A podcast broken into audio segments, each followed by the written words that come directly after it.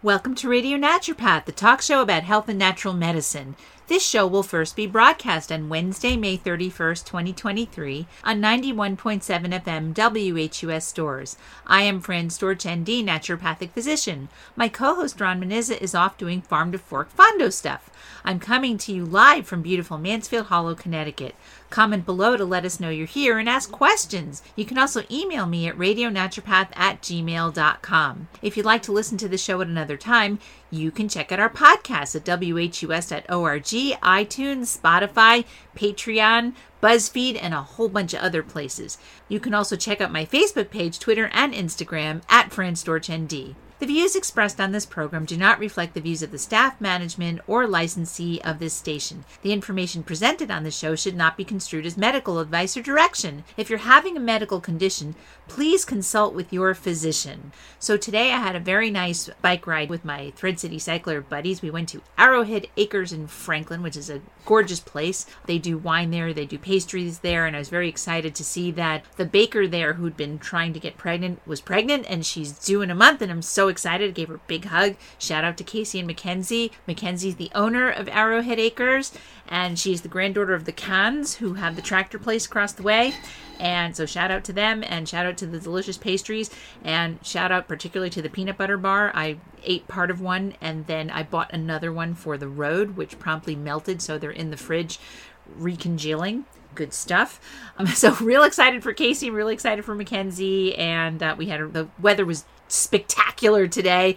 Rode with good people. It was so nice. Um, if you're watching me on Facebook Live, note my breezy summer look. How, how, do you like it with my, my hair piled up and my highlights and my batik shirt and like and my matching glasses? It's, it's super cool, right?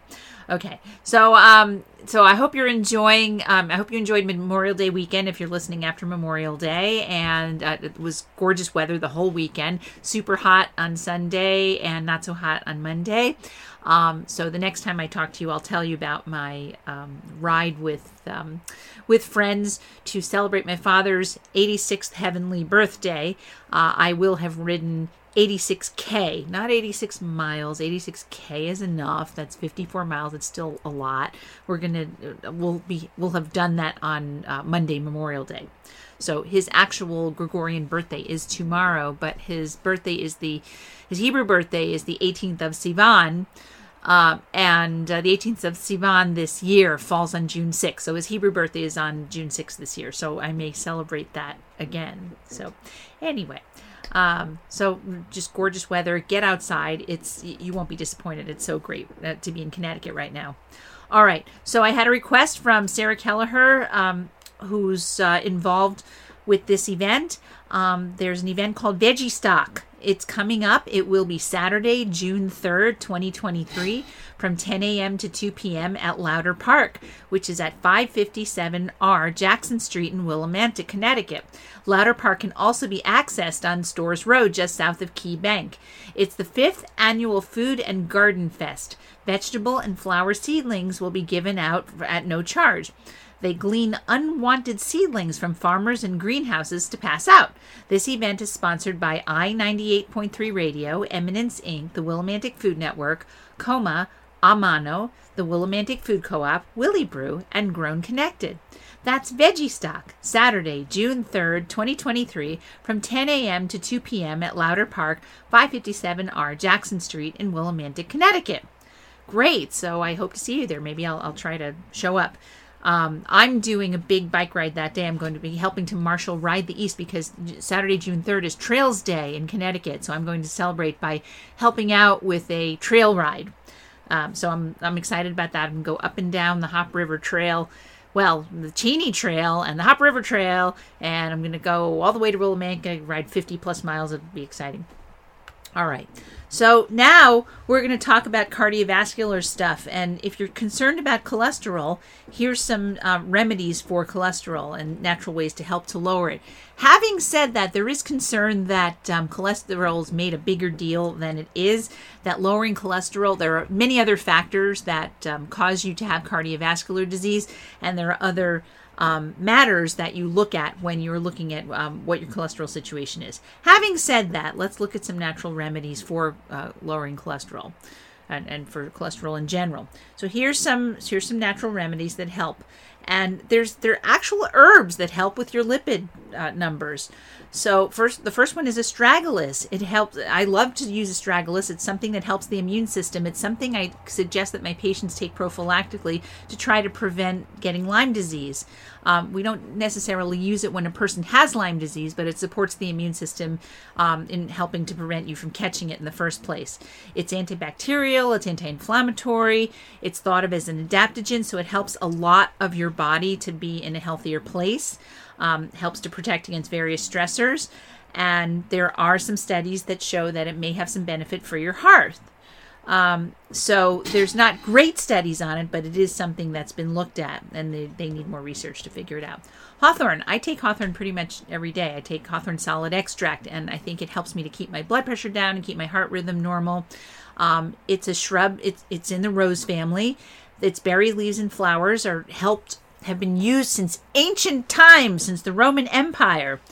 Um, and um, there's also studies that show that hawthorn can be help, helpful for heart failure, although there's research that's conflicting. And you have to be careful when you take it when you're taking other medications. So if somebody's already taking a med, I may or may not encourage them to take hawthorn depending on what's going on. One thing I love about hawthorn is that it does have a lot of anthocyanins and bioflavonoids, so it is strengthening to blood vessels and your heart, and it is what is known as a positive inotrope, which means that each time your heart beats, your heart will send out more blood. It, it makes your heart more efficient. So your heart doesn't have to beat as often in order to get the same amount of blood volume out. And if that happens, positive inotropy is a good thing because then your heart beats less often. It extends its life. So that's a good thing. So hawthorn hawthorn is great for that and things with anthocyanins in general are good for that. So your dark uh, berries and stuff, your blackberries and your blueberries, uh, which have anthocyanins, and grapes as well. Um, and then your uh, pomegranates and raspberries have ellagic acid in it, which help with that as well. All right, flax seeds. They come from the flax plant and they have a lot of alpha-linolenic acid, which helps, which can help lower your risk of cardiovascular disease. It is anti-inflammatory. Uh, there are some mixed results, um, and there are some studies that show it may um, help to lower cholesterol. Uh, fish oil supplements with omega-3 fatty acids. They're uh, found in fish and fish oils. Um, there's various fish that you can get high amounts of omega 3 fatty acids, um, especially cold water ocean fish, but also lake trout, herring, tuna, salmon, sardines, and other fatty fish. Um, and they can help to lower the risk of cardiovascular disease. Countries where they eat a lot of fish have lower risks of cardiovascular disease. Um, and so the recommendation is to eat one or two servings of fatty fish a week. And that's not that much. If you're not a big fish person, find a couple of fish that you like and you can eat it a couple times a week and it can be helpful for you. And so if you have heart disease, you might benefit from taking omega 3 fatty acids. Um, and there are other foods that you can get plant based omega 3 fatty acids that have monounsaturated fats in them, like walnuts and canola oil, soybeans, um, and there's stronger benefits um, using fish for these purposes. And one reason is that um, the EPA and DHA in fish oil are in the form that our bodies actually used. If you consume alpha linolenic acid, which is the main form that's in nuts and seeds and things like flax seeds, um, the um, the, the alpha linolenic acid has to be converted. You have to have a well functioning delta 6 desaturase system that converts alpha linolenic acid to omega 3 fatty acids, uh, to your EPA and your DHA. Not everybody's real good at doing that conversion. If you tend to have a lot of inflammation, you may not be great at doing that conversion. So you're better off getting your omega 3 fatty acids from actual fish or fish oil. So, uh, something to be aware of red yeast rice. So, red yeast rice, you, you may have heard of that supplement a lot. Uh, red yeast rice, it's a traditional Chinese medicine, uh, and you culture you culture um, red rice with a certain kind of yeast, and um, it produces a constituent called monacolin K. it's uh, chemically identical to the active ingredient in lovastatin. So, um, so you're looking. So when you're using red yeast rice, be aware that you're basically taking a statin. That's what you're doing. So red yeast rice can produce the same side effects that statins can, your joint pains and body aches and things like that. And if you're going to take red yeast rice, you should be taking coenzyme Q10 as well because statins deplete coenzyme Q10, which is necessary um, for the energy of all of the cells in your body. It helps to run your electron transport chain. Um, so, uh, red, you have to be careful with red yeast rice. It can have a contaminant called citrinin that's that's toxic to your kidneys.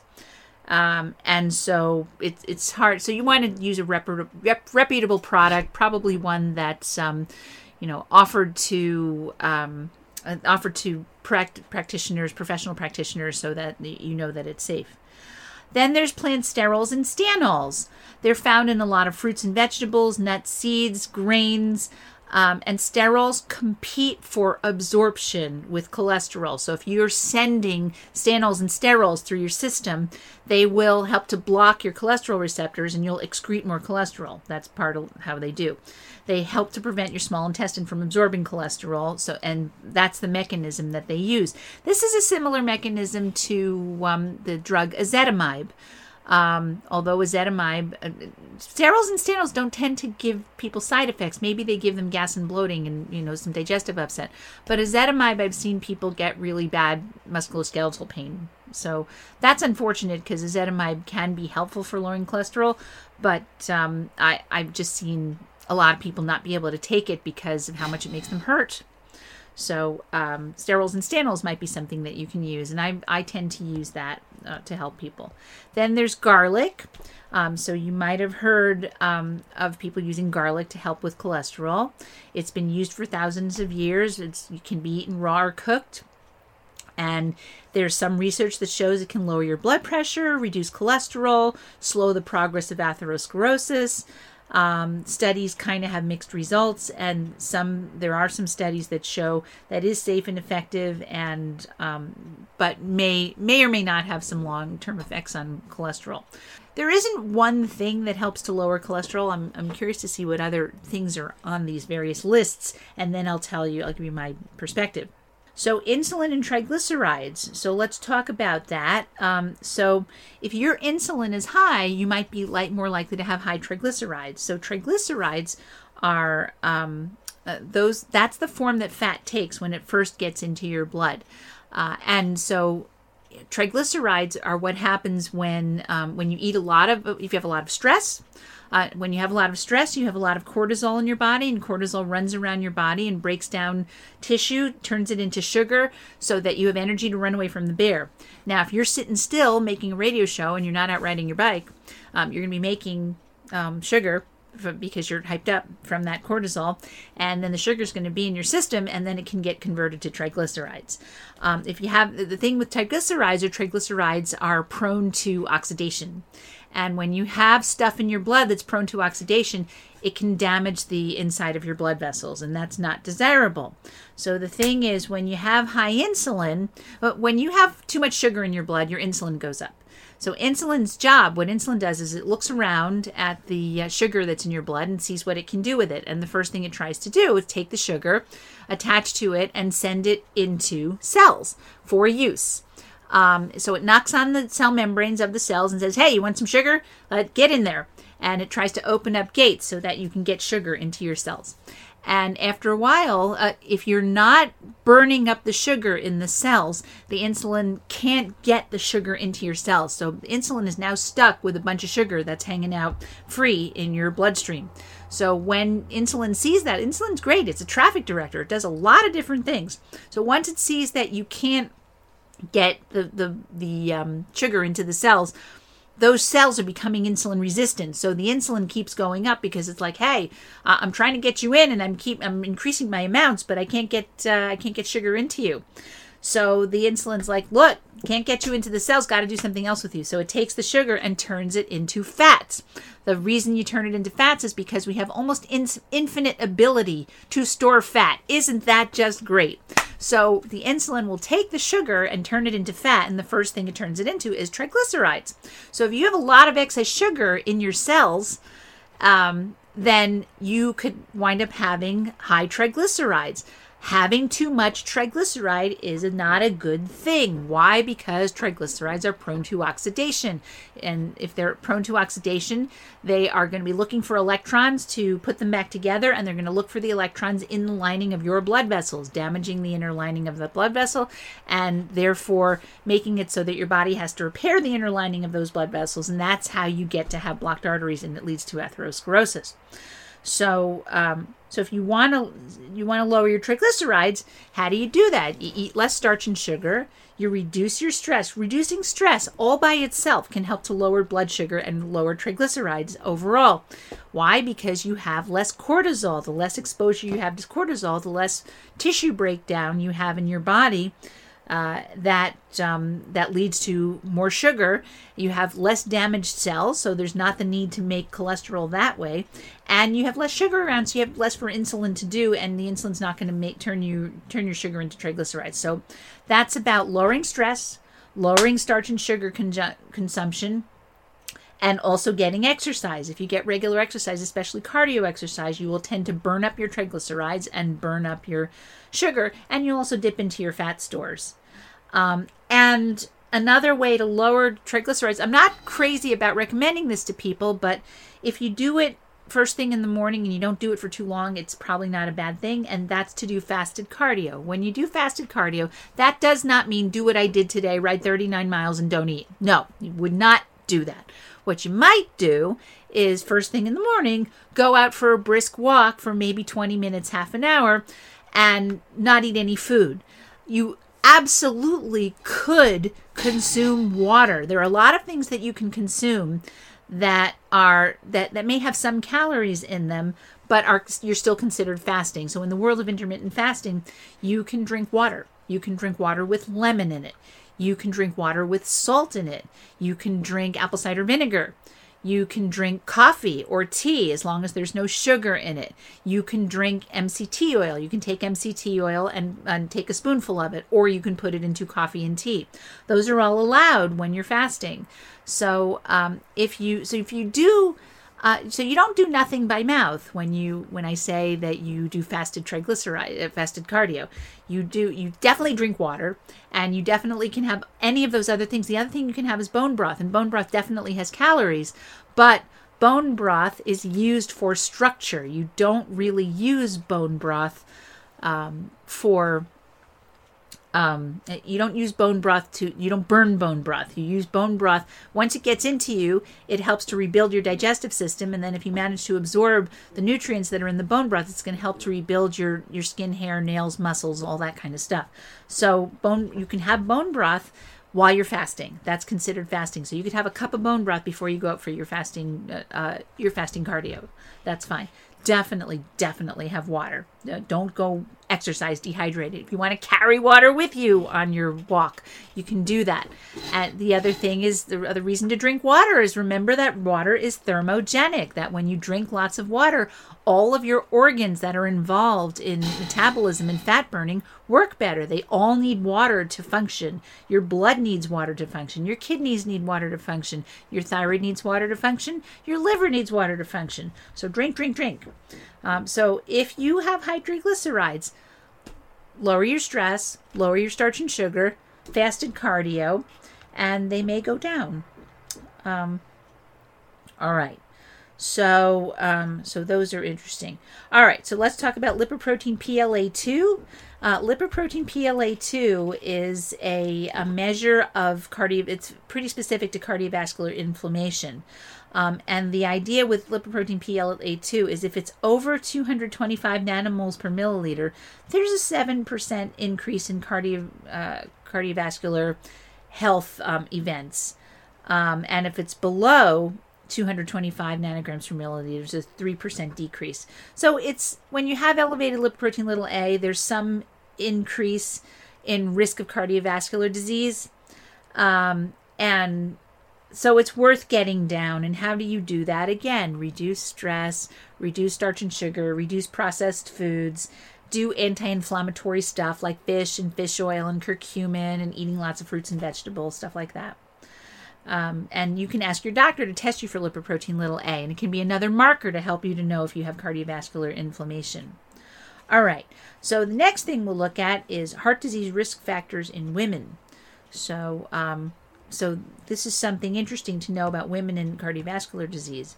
Um, it's thought heart disease is often thought of as a health problem that mostly affects men, but it is the leading cause of death for women in the United States.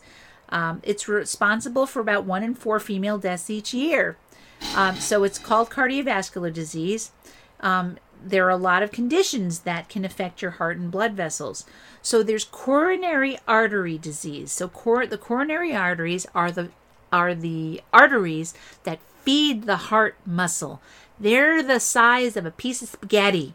So they're very narrow, and if they fill up, you get you can get what's called ischemia, which means reduced oxygenation to your heart muscle. And then if they get completely blocked, you can have tissue death. And that tissue death, when your coronary arteries either spasm or get blocked, that is what a heart attack is. It's also known as a myocardial infarction. Myo, the word myocardial simply means um, heart muscle. Myo is muscle, cardio is heart. Um, so an infarction means that it has to do with tissue death. That's what that means. You can also get peripheral artery disease. So you can get blockages in the blood vessels in your extremities, in your arms and your legs. Same thing. Um, the femoral artery can be affected. It's rare, but the brachial artery can be affected too. I mean, the, the thing is that your arms, you move your arms so much in the course of your daily life. It's very, you have to be really sick to get brachial artery atherosclerosis. I suppose it can happen, but it, it's rarely measured and it's unlikely to happen just because the arms get moved so much that circulation flows through them so much, so it's unlikely to happen. The femoral artery is a different story because if a person is sedentary, the thing is the lower extremity, which means your thighs, your legs, the whole the whole thing. Your thighs your legs your feet. That's your lower extremity right? This is your upper extremity. Your arm what your, your shoulder your um the upper part upper half is called the arm. The the lower part is called the forearm. And this thing is called the hand. These are all this is the upper the whole thing is called the upper extremity.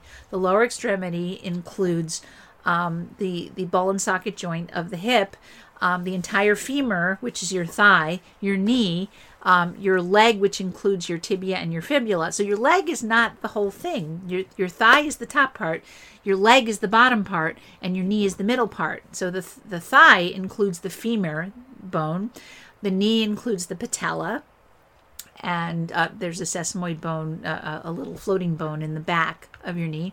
And then you have two uh, bones in your leg, which are your tibia. The tibia is the big one in the front, and the fibula is the little one on the side. And then you have your foot, and your foot has all all kinds of different bones. Um, has tarsals and metatarsals and phalanges, which are your your little toe bones. Okay, and so the problem with the lower extremity is that it's affected by gravity. So if you aren't moving your legs a lot, gravity can make it so that circulation gets stuck down there. That's why people are more likely to get varicose veins. You don't see people getting varicose veins in their arms generally. You see them getting varicose veins in their legs because gravity, especially if you're doing things to enhance gravity in that direction. So if you're standing a lot, if you're standing still a lot, that will make you more likely to have varicose veins. So the the veins get bogged down. The the um, there are, are uh, valves in the veins that get bogged down and they get floppy if there's too much pressure on them all the time and so you get poor venous return. And so that's how you get varicose veins. You get these puffy veins because they they get um, inflated like a balloon because the blood can't come back up. If you regularly do cardio exercise you're less likely to have that happen. Um, so if you stand a lot that can happen. If you sit a lot that can happen um, and if you if you don't pair your sitting with a lot of regular exercise, but riding a bike is really good. I mean, you you'll see cyclists who have varicose veins, but um, it's more unusual. You're, cycling is a great way to prevent varicose veins because you're not you, you're more likely to get varicose veins if you're if your um, movement of choice is running because of the extreme impact on the on the legs. People who run are more likely to get um, plantar fasciitis, and they're more likely to get varicose veins because of the imp- because of the impact of the sport that they're doing. There's constant banging on that lower extremity, and uh, that can cause uh, fibrosis of the feet, and it can cause poor venous return because um, because of that slamming. That there's a com- there can be a compromise that starts in the feet to that venous return, and that can lead to varicosities. Um, so anyway, you can if you have per- peripheral artery disease, um, uh, you if you have damage to the blood vessels in your legs or your arms or you know your lower extremity or your upper extremity, um, that that can lead to peripheral artery disease. You can get arrhythmias. That's arrhythmias are problems with the rhythm of your heart. Um, so these are electrophysiological issues. One of the most common ones is atrial fibrillation. I'm sure you've heard of that, but there are many others. There's heart blocks and atrioventricular um, rhythm disorders, and there's um, uh, so there's uh, ventric ventricular uh, there's um, paroxysmal atrial tachycardia, and there's uh, ventricular septal um, there's ventricular tachycardia uh, and other types of arrhythmias. Um, so those are the, those are possibilities that you can get you're you can have problems with the muscles uh, with with the heart's muscles or the valves so you can have myocarditis. You can have cardiomyopathy where you have deterioration of the heart muscle. You can also have problems with the valves and the problems with the valves can happen over time. They can get damaged by autoimmune diseases like for example um, if you have scarlet fever when you're a kid you can get damage to your heart um, valves and you can also just have a congenital heart valve defect. And when you hear a murmur, a murmur is a word that means you hear a, an unusual sound when you're listening to the heart beat. And the unusual sound is generally caused by some kind of problem with a valve. Then there's congestive heart failure. That's when the heart gets congested, it's having trouble pumping blood. So blood gets backed up. And what you'll see is you'll start seeing things like um, increased edema in the legs and increased edema in the body altogether because the body the heart is having trouble cycling all the blood through the entire body and that's what congestive heart failure is um, there's coronary vasospasm so coronary vasospasm you can get a heart attack from coronary vasospasm or not. So coronary vasospasm is when you have um, a, a spasm of the coronary artery, those those arteries that attach to the heart muscle and feed them oxygen and blood, they can spasm and they can close off, and that can give you a heart attack. I mean, it, and you can have that happen without having atherosclerosis, but that is something that can happen. Uh, you can have coronary microvascular disease. So that's that's a problem with the little tiny blood vessels that branch off the coronary arteries. So it's not the coronary arteries themselves; it's the arteries that feed the coronary arteries. Ugh, I didn't really realize that was a problem. And then you can have reduced ejection fraction. So if you're if you're um, if there's a problem with your, the ventricles of your heart, the ventricles, um, as particularly the left ventricle, the ve- left ventricle is responsible for pushing blood after it's been oxygenated, after it's it's come up into the right atrium, right ventricle. The right ventricle pushes blood into the pulmonary artery, which goes to your lungs the then the lungs oxygenate the blood and then the blood comes back from the lungs by way of the pulmonary vein. Pulmonary vein goes into the left atrium and then it goes down through the um, through the uh, mitral valve right? The the um, the bishop with his mitred hat is never right love you, Dr. Titchard. He's up in heaven laughing at me. Um, so he, he taught us that saying, the bishop with his mitred hat is never right. In other words, the mitral valve looks like a mitre, which is um, that, that funny funny shaped hat that cardinals wear, right? So uh, bishop with his mitred hat is never right, which is kind of an insult to a bishop. But also, it's a way to remember that the mitral valve is on the left side of your heart. That's the whole point. Anyway, so so the uh, blood goes into the left atrium through the mitral valve into the left ventricle and then out the aortic valve into the aorta. And so that left ventricle um, can become weak. And if it's weak, you're going to have a reduced ejection fraction. Ejection fraction is the um, fraction of blood that actually gets pushed out entirely from the left ventricle. And the, would you believe that the, it is normal for not all of that blood to come out? Like a normal ejection fact fraction is generally somewhere between 65 to 75%, which means that 35 to 25% of the blood that makes it into that left ventricle doesn't come out in a beat. It may it'll come out later in the next beat maybe. But um, it is normal to have a 65 to 75% ejection fraction. If you have a lower ejection fraction than that, then you may have some kind of heart failure. So that that's something that can be measured when you and the way you measure that is you do an ultrasound of the heart, which is also known as an echocardiogram. Echocardiogram uh, is a sonogram it's very pleasant. I had one once, and you lie on your side, and a very nice tech, and hopefully you get a nice tech who will talk to you. And this this lady was very nice. She knew what she was doing, and she chatted with me. And they put um, they put goop on your chest, and they have a nice warm wand, and they run it over your chest and they take a picture. And it takes about 45 minutes and they run it over your chest for a long time so they get a nice picture of what's going on with your heart.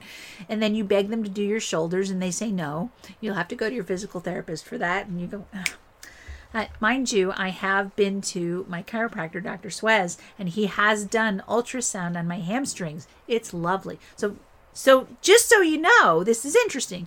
Ultrasound is a very non invasive way to see inside your body, and there are some. Um, some organs that can be ultrasounded, and it's an effective way to to um, assess what's going on. And it's nice because it's sound waves, and it's not harmful in the way that X-rays can be harmful. X- X-rays include ionizing radiation, which causes guess what? Oxidative damage, what we talked about the triglycerides doing when they run around your blood and they're encountering all the different chemicals and metabolic processes that are in your blood, right? So you can do ultrasounds for all kinds of stuff. If you're not sure what's going on in the thyroid, like if I see somebody and I feel like they have a goiter, like I check their, I feel their thyroid and I feel like they have a goiter, or if I measure their thyroid antibodies and I see they have elevated thyroid antibodies, I'm like, I want to look at that thyroid. Well, it's a very effective thing to do a thyroid ultrasound, extremely non invasive, and it's actually pleasant for the patient. So I've had a couple of, I think I have three ultrasounds in my life. I, I've never been pregnant. I know, right? I've never been pregnant. What are you going to do? But I have had the pleasure of having a, um, I had a carotid Doppler last year because when I was having my um, dizziness stuff, my my vagus nerve stuff, my neurologist wanted me to wanted to make sure I, I had patent carotid arteries. So I had a carotid Doppler. It was super expensive because because insurance, right? But it was extremely pleasant. I just you lie there in a comfortable room. There's no weird noises like with an MRI, and they put goop on your neck and they use this warm wand and they just do your neck, and it's really great. Um, and and I had that, and I have a um, I have a lipoma on my right side, which is a fatty tumor, and uh, lipomas are completely benign. And um, when I, my PCP saw that I had this lump in my side, she said we have to get that ultrasounded. And when they ultrasounded it, they saw nothing. So they ran the wand over it, and there was nothing to see. Why? Because if you do an ultrasound on just fatty tissue, you don't see anything. And so it was just a lipoma. That's how we know it's just a lipoma. And the other thing, I had an echocardiogram as well. And the echocardiogram was, was also very pleasant. And that was the nice time. When I had the lady who chatted with me, and that was really nice. Um, but you can, so you can look at those organs. You get an echocardiogram, and it assesses um, cardiovascular function, um, how the valves are doing, how the heart chambers are doing. Um, and ejection fraction. You can tell all of those things from a from an echocardiogram. You can do a stress echocardiogram where you do a sonogram while the person's exercising, or give the person a drug that um, it, that increases your sympathetic effect, that'll increase your heart rate and stuff to see what the heart does. So that's a stress echocardiogram. You can get um, an abdominal ultrasound. That's a good way to see the upper abdominal organs, your liver, your kidneys, your pancreas, stuff like that. Um, so if you're somebody's afraid you have fatty liver or somebody's afraid you have a kidney stone, um, they'll they'll check to see if you have any of that going on. And you can have a pelvic ultrasound. Pelvic ultrasound is great for women for reproductive organs. So pelvic ultrasound is generally used to look at the uterus and the ovaries and the fallopian tubes. Um, and pelvic ultrasounds can be done on the abdomen. They can also be they use a wand to go inside the vagina. The reason you would do that is because it's easier to see the ovaries if you go in through the vagina because the ovaries are right there. It, it's harder to see. They're they're very buried deep in your body because your body wants to protect them, uh, and so. Um, if you use um, if you go intravaginally, it's easier to see the ovaries that way. So ultrasound's very useful for all that stuff. But that but the whole point that, that we started with is that the echocardiogram isn't a type of ultrasound, and so we got on the tangent of explaining the ultrasound. All right. So all these cardiovascular conditions can develop over time, or they can be structural with the heart from birth, or hereditary, or or from an injury, stuff like that. Um, about 6% of US women over 20 have coronary heart disease. So that's that's not a lot. Um, the, and the risk of cardiovascular disease increases with age. Um, and this is interesting. The article I'm reading from makes a nice statement. We will use often use women and men in this article to reflect the terms that have been historically historically used to gender people. But your gender identity may not align with the signs, symptoms, and risk factors of heart disease. Your doctor can better help you understand how your specific circumstances will translate into diagnosis, symptoms, and treatment.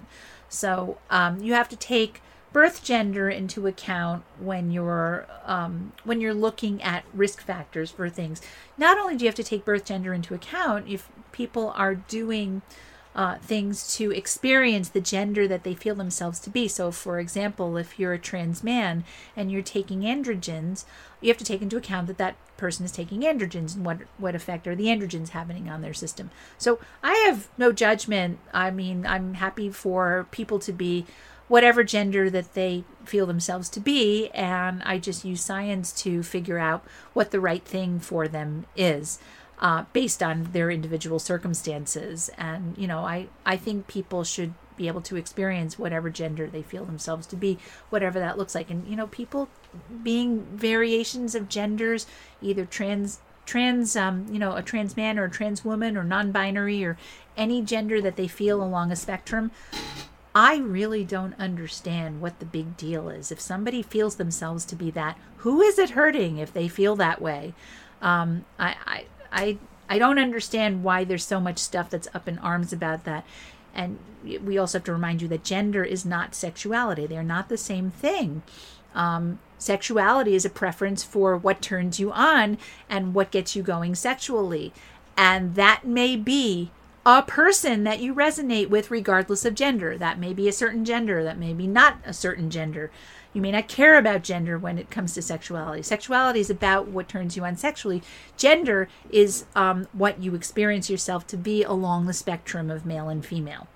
And uh, my feeling is anything goes and it doesn't hurt me if you want to experience yourself or you feel yourself to be a certain gender and i support you wherever you're at and you know if you come to see me you just tell me what your deal is and i will support you it's cool and the thing is, if I support you how you feel you are, I'm going to get better. I win because I'm going to get better results with you because you're going to be happy. You're going to feel supported. You're going to feel less stressed and everybody wins, you know, and, and I don't have to deal with arguing with you about where you're at in terms of gender, which I think is just a complete waste of time.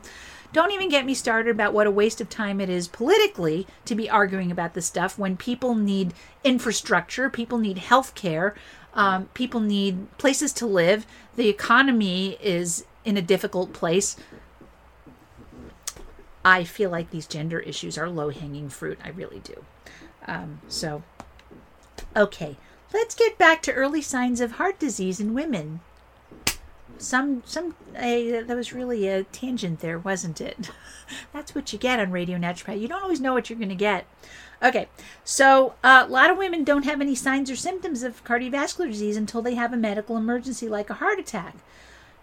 But here are some signs and symptoms you can have. You could have chest pain. Obviously, chest pain is a medical emergency, or chest pain has to be sorted out. You have to figure out what's going on. It can be sharp, it can be dull, it can be heavy, it can be called angina. You can have pain in your neck, your jaw, or your throat. You can have pain in your upper abdomen. You can have upper back pain. You can be nauseated. You can be um, very fatigued. You can have shortness of breath. You can have weakness. You can have um, changes in skin tone, like grayish skin, because you're Your circulation is changing, and you can start sweating. They can occur at rest or during activities of daily life. They, those can all be symptoms of a heart attack. In women, heart attacks are often associated with men more than women, but according to the Office of Women's Health, every 100 seconds a woman has a heart attack in the US. Afterwards, women tend to wait longer before getting care, which can have less favorable outcomes.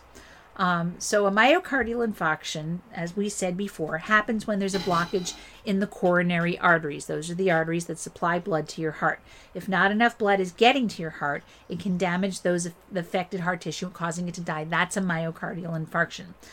And if you have had a myo, one or more myocardial infarctions, this can place you at greater risk for heart failure. Why? Because if the heart muscle tissue has died, now you can't have electrophysiological conduction through there, and you're not going to have as effective um, heart rhythm, heart, heart beats. Um, so the muscle can get damaged and it won't contract as much. There can be scar tissue that prevents that from happening, and you can have disordered electrophysiological events. Um, so, uh, meaning you can have arrhythmias. Um, so, women may not pay as much attention to heart attacks uh, because of the kinds of symptoms they have. They're more, we're more likely to experience non traditional heart attack symptoms, and the symptoms can be more gradual. So, the chest pain can feel like tightness or pressure instead of more severe chest pain. Um, and sometimes there is no chest pain. Um, you can have extreme unusual fatigue that and that could be the first thing that develops and you might even feel like you've got the flu you can have throat and jaw pain sometimes without chest pain you can have pain in your upper abdomen that could feel like indigestion or heartburn. Um, you can have pain discomfort or tingling in either of your arms. You can have upper back pain that, that could be burning or tingling or pressure. You could be lightheaded or be dizzy and you, of course you can have nausea or vomiting. So um, i have a nice um, uh, you can get these online. You can get um, diagrams that show you the different uh, the, the, differences between the kinds of um, warning signs of a heart attack in um, in biological men versus biological women. So that's something that you can look up and be aware of. Um, so women can also get um, other symptoms, and the symptoms can differ depending on what kind of cardiovascular disease you have. Uh, you can get swelling in your legs, feet, or ankles. So if you have poor venous return, you can get swelling in your legs or ankles. And you can get that swelling when you have congestive heart failure because, again, the heart is not being as effective at pushing blood out and it's not being as effective at receiving blood and just moving the whole system around. You can get weight gain. You can have trouble, you can have insomnia, have trouble with sleep. You're, um, you can get palpitations, feel like your heart's beating quickly. Um, well, heart beating quickly is um, tachycardia, the sensation that you can feel your heart. You're not supposed to be able to feel your heartbeat. And if you do, I mean, you can feel your heartbeat if you're getting intense exercise, but most of the time you don't feel your heart beating. If you feel your heart beating, that's called palpitations. And if your heart is beating quickly, that's called tachycardia. Uh, you might cough or wheeze. You might sweat. Again, you could be lightheaded, have indigestion, anxiety, faint, uh, heartburn, and even fainting. So there are definitely risk factors for cardiovascular disease in women.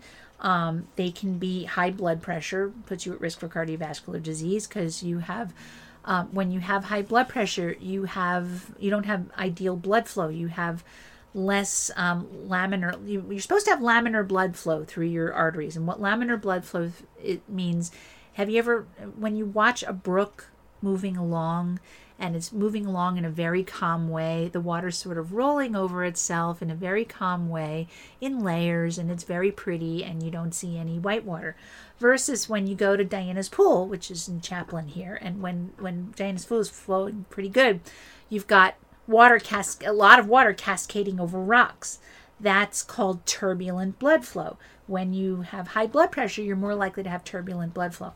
When you have turbulent blood flow, um, the, the blood can bang against the sides of the brook or the artery. And what happens when it bangs against the rocks on in the brook? It smooths the rocks out. It takes pieces out of them um, because water is very powerful. It's one of the most powerful artists of nature. It changes the shape of things, um, and water can also change the river banks. That's how you get erosion. So the um, heavier the flow is of water, the the more you can get changes in the um, sides of the riverbank. It's like when if you have a hurricane, um, that huge flow of water changes the um, uh, changes what happens with the beach. That that sand can get moved all around. You can have more sand or less sand. You can have the beach be shortened by a significant amount. So. Um, all right. So if you um, so if you have high blood pressure, that can be damaging to the inside of arteries. Um, if you have, you can get high blood pressure during diet with diabetes or during pregnancy. Um, so again, if you have too much sugar in your blood, um, you get oxidative stress in your blood because your body is trying to metabolize that sugar. You get the breakdown of the sugar. Sugar causes inflammation, and then inflammation causes um, oxidative damage to the inside of your cells. Uh, and pregnancy makes you more likely to have high blood pressure. Uh, and if you get high blood pressure during pregnancy or diabetes during pregnancy, you're more likely to have cardiovascular disease when you're done being pregnant. If you have rheumatoid arthritis or lupus or any autoimmune disease, that's an inflammatory disease, that's more likely to give you cardiovascular disease. Menopause, your risk of cardiovascular disease increases when you get to your menopause. Why? Because you don't have the amount of estrogen and progesterone that you used to have. And estrogen is a proliferative hormone, it is a hormone that causes you to rebuild tissue. So if you have less estrogen, you don't have the ability to rebuild the tissue when you have normal metabolism of everyday life. So you can get deterioration, degeneration of blood vessels. Yay, right? And if your menopause is premature, that puts you at even greater risk of cardiovascular disease because you're going to spend more time on the planet with the lower estrogen and progesterone. Good times, right? All right. If you're depressed, you know, the heart is spiritual too. If you're depressed and you're sad, you're more likely to have cardiovascular disease. Who knew? And that's probably like the very basic reason for that is more depression, more cortisol. I, I think that's that's the bottom line. There's probably more intense spiritual reasons for it, like energetically. You could talk about the meridian, the, the Chinese medicine meridians. You could talk about doshas in Ayurvedic medicine. But I think the the basic Western reason for that is if you are depressed or anxious, you're going to have more cortisol. And as we said, cort- what's cortisol's job? Cortisol's job is to run around your body, breaking down tissue, turning it into sugar so you can run away from the bear. You have more sugar in your blood, you have more insulin, you have more inflammation, you have more oxidative stress. That's simple. So you can get, if you're depressed, you're going to have more oxidative stress, anxious as well. Um, if you have HIV, you're more likely to have cardiovascular disease because um, you have an immune deficiency. If you have an immune deficiency, you're going to have more inflammation because you have more, um, you're more susceptible to various unusual kinds of infections and what immune system you have is going to try to go after those things. And the other side of that is if you have immune deficiency, you're going to have oxidative damage just from uh, unusual organisms reproducing in your body, and they can cause inflammation uh, and irritation all by themselves uh, without your immune system being involved. So, HIV it makes you more prone to cardiovascular disease preeclampsia. So preeclampsia is when you have um, uh, when you have uh, to- uh, toxicity that you you make more liver toxins in your body while during pregnancy, and you usually get high blood pressure along with that, and that can predispose you to cardiovascular disease. We said already any autoimmune condition because of the chronic inflammatory nature of autoimmune conditions they can give you what they can be make you more prone to cardiovascular disease because they you have more inflammatory autoantibodies uh, they can irritate your blood vessels uh, if you have calcifications in your breasts in the arteries of your breasts you're more likely to have cardiovascular disease. I don't know if that's because the calcifications can dislodge and move and go elsewhere and get and wind up in your um, coronary arteries. That's that's a possibility.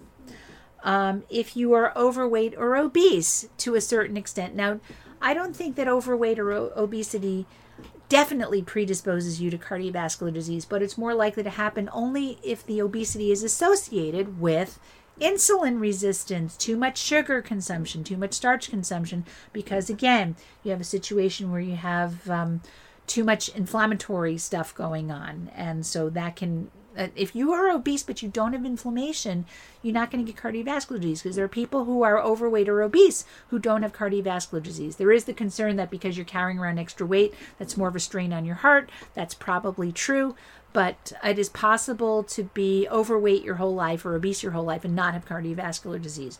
There is an increased risk. So being at a weight that's healthier for you can be helpful. Smoking, forget about it, especially if you smoke um, traditional cigarettes, uh, cigarettes that are, you know, conventional cigarettes that are not organic, that have been sugar cured, have all kinds of chemicals in them. Uh, when you smoke um, regular cigarettes like that, um, they can have heavy metals in them. Heavy metals definitely cause oxidative damage. Um, they will replace healthy metals of the same valence that have the same um, electrical charge, and they'll replace them and then they'll cause oxidative damage. So heavy uh, cigarettes can have cadmium, lead, and um, arsenic in them. And cigarettes can have, um, they definitely have uh, polyaromatic hydrocarbons. So, um, especially if they're sugar cured and those things cause oxidative stress and oxidative damage. So, uh, your smoking definitely can cause increased cardiovascular risk. I am not sure. My understanding is the cardiovascular risk is less, if not diminished, if you smoke organic cigarettes, if you use organic tobacco that has not been sugar cured and doesn't have chemicals added to it, because you're not, you don't have the chemicals. I just wonder what happens when you inhale burning tobacco. You're still inhaling a burning substance, can that cause cardiovascular disease? Um, my my understanding of cannabis is that when you smoke cannabis, cannabis has infl- anti-inflammatory compounds in it. So even though you're inhaling something that's burning, you're also inhaling anti-inflammatory compounds. So it may be a wash. I'm not entirely sure about that. That because I always get concerned, especially if somebody comes in and they have asthma and they want to smoke weed um, I get concerned that they're that if they're smoking weed and they have asthma, they're breathing in smoke, they're breathing in particulates. It's not a good situation. And if you want to do cannabis, there are ways to do cannabis that don't involve smoke that you can do, um, especially edibles and oils and things like that. Sip of water. Okay. Chronic stress can cause cardiovascular disease. Who knew? What did I say? If you have chronic stress, you have elevated cortisol. Elevated cortisol job is to run around the body, break down tissue, turn it into sugar so you can run away from the bear. You have sugar, you have insulin, you have insulin, you have inflammation. That's how that works. So Reducing stress can reduce cardiovascular disease. How do you reduce stress? You figure out what the stressors are in your life and see if you can ameliorate them. Can you work less hours? Can you work less? Can you do stress reducing activities such as yoga, meditation, um, leisure walks in nature, just sitting out in the yard, just sitting still anywhere in a comfortable position, doing um, guided meditation, reading a book, crafts, whatever it is that um, helps you to calm down. Um, so anything that helps you to calm down and be less stressed is going to reduce your risk of cardiovascular disease. If you don't get exercise, if you don't move, you're more likely to have cardiovascular disease. And this is a move it or lose it phenomenon. One of the deals with physical activity is when you get physical activity, you raise your HDL. That's your high density lipoprotein. High density lipoprotein, its job is to run around your blood vessels and pick up um, cholesterol, take it out of circulation, and bring it back to your liver for processing. And again, there's controversy about how how much cholesterol really affects your risk for cardiovascular disease. But having said that, there are good studies that show that the higher your HDL, um, the lower your risk for cardiovascular disease. And you raise your HDL by getting cardio exercise. And people who can't get their HDL, there's people who genetically to, can't get their HDL up to save themselves, and they have a higher risk of cardiovascular disease, unfortunately. But um, if you can get your HDL up, one of the easiest ways to get it up is to, to run around or ride your bike or do some kind of cardio activity. It raises your HDL. The HDL takes cholesterol, whether it's oxidized or not, out of circulation, so it's not as available to damage the inside of your blood vessels. So, and the other thing is uh, exercise is a move it or lose it phenomenon. If you use your blood vessels for cardio activity, Um, they're going to be more elastic. Your body is going to be pay more attention to them. Not only that, when you get exercise, you make collateral circulation. The reason Ron probably didn't die from his cardiovascular disease is because he did have terribly blocked coronary arteries, but he got so much exercise that his body had made loads of corollary circulation. They, so remember the microcirculation around the coronary arteries? His body did a great job of creating new blood vessels for him. When you do cardio exercise, you make new blood vessels. That's called collateral circulation. And the more collateral circulation you have, um, the less likely you are to suffer from cardiovascular disease, even if you have it. So, getting regular exercise is really super important. And you know how people get regular exercise? They have rosy complexions and stuff. That's because they have more blood vessels. You're going to have more, you're going to have a rosy complexion if you get more exercise because you actually have more circulation in your skin. You have actually more blood vessels. So you're going to have a rosy complexion because there's more blood vessels there. If you don't get a lot of exercise, you're going to look sallow and pale. The other thing that gives you a rosy complexion is eating a lot of fruits and vegetables because there are colored compounds that will color your fat um, so if you eat um, things with anthocyanins like your berries and cherries, you're going to get coloration from that, and you're going to get stronger blood vessels from that. And then your carotenoids, definitely, if you have a person who eats like all kinds of leafy greens and stuff like me, um, and you look inside my fat, my I probably have orange fat because I take beta carotene and vitamin A every day, and I eat lots of greens. So I, you know, when you go to medical school, you do cadaver lab. So you dissect people, uh, dead people. So when you go in, you see their fat, and their fat is often orange. And if it's orange, that's a good thing. That means that they have um, a good level of carotenoids. So having um, cardiovascular, having heart disease also puts you at risk for heart attack, stroke, heart failure, as we talked about, cardiac arrest, and aneurysm. Aneurysm is um, when you have a breakage of a blood vessel, a blood vessel getting weak and then breaking. Um, if you are not sure what's going on and you're afraid you have cardiovascular disease or you're afraid you're having a heart attack or stroke, go right to the ER. Do not stop. Do not question it. Don't go, what if I don't? Won't I be dumb? They will welcome you and encourage you to be there and say you did the right thing and they're not going to give you a hard time for showing up. Um, if you think you're having a heart attack, just fricking go because time is tissue. Um, whether you think you're having a heart attack, you think you're having a stroke. I had um, a couple years ago, I had what turned out to be an ocular migraine, but I was afraid I was having a stroke, so I went for urgent care. I got checked out, and I was fine.